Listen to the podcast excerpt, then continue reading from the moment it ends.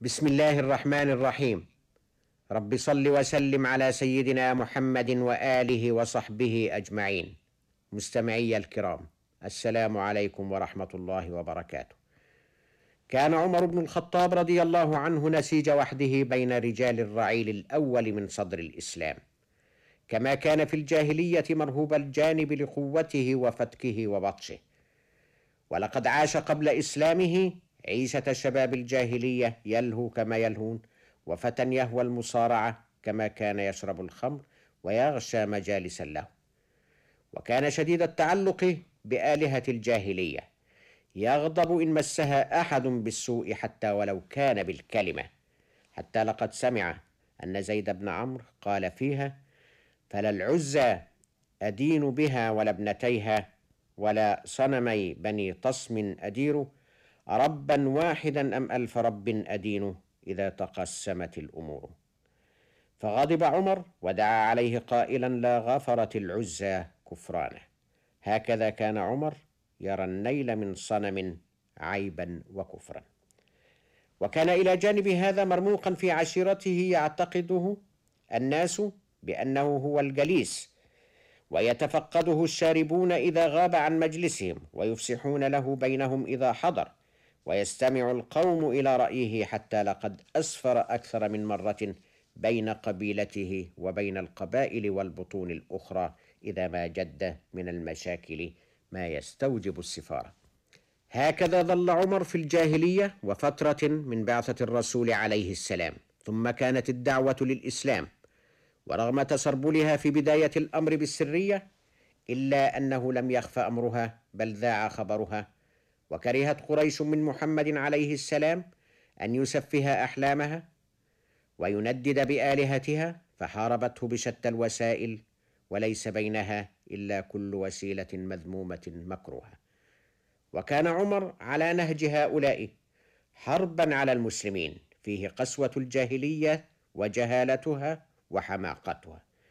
شديد المعاندة للدين وأهله حتى حدثوا أن أم عبد الله بنت أبي خثمه قالت لزوجها إنها رأت في حديث عمر معه وهي خارجة للهجرة ما أطمعها في إسلامه.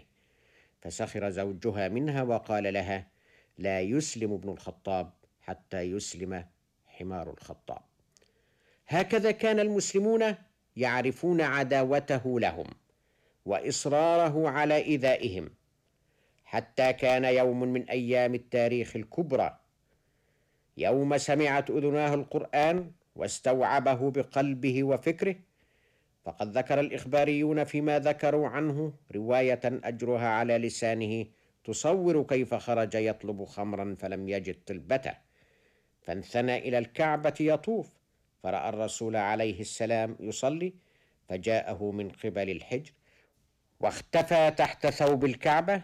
قال فلما سمعت القرآن رق له قلبي فبكيت ودخله الإسلام. ثم تبع الرسول وأسلم فمسح الرسول عليه السلام صدره بيده الطاهرة ودعا له. وقيل في إسلامه أيضا إن أخته فاطمة وزوجها سعيد بن زيد بن عمرو كانا يستخفيان منه بإسلامهما. وفي ذات يوم خرج عمر يريد قتل الرسول لأنه فرق أمر قريش وسفه أحلامها وعاب دينها وسب آلهتها كما قال.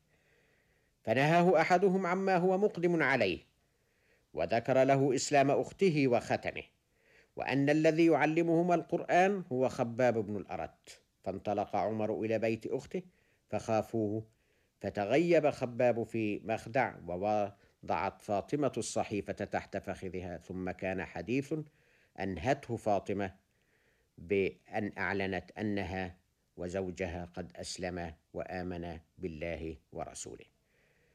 فأحس عمر بالعطف على أخته ثم تناول الصحيفة بعد أن اغتسل لأن أخته نهته أن يمسها حتى يغتسل إذ هو نجس على شركه. فلما قرأ ما فيها من سورة طه قال ما أحسن هذا الكلام؟ وإذ ذاك خرج إليه خباب وقد استبشر وصاح به الله الله يا عمر إني والله لأرجو أن يكون الله قد خصك بدعوة نبيه. فسأله أين يجد محمدا الآن؟ فانطلق إليه ولقيه الرسول عليه الصلاة والسلام فأخذ بمجمع ردائه وقال له ما جاء بك يا ابن الخطاب؟ فوالله ما أرى أن تنتهي حتى ينزل الله بك قارعة.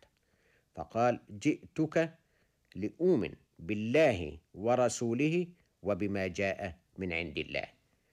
حين ذاك كبر الرسول تكبيرة عرف أهل البيت بها أن عمر قد أسلم وكان إسلامه عزا للإسلام. وجماع القول في إسلام عمر ما قاله الصحابي الجليل عبد الله بن مسعود إن إسلام عمر كان فتحا وإن هجرته كانت نصرا وإن إمارته كانت رحمة. وصدق ابن مسعود. مستمعي الكرام هذه قصة إسلام درع الإسلام وجنته عمر وإلى حديث الغد إن شاء الله تعالى والسلام عليكم ورحمة الله وبركاته.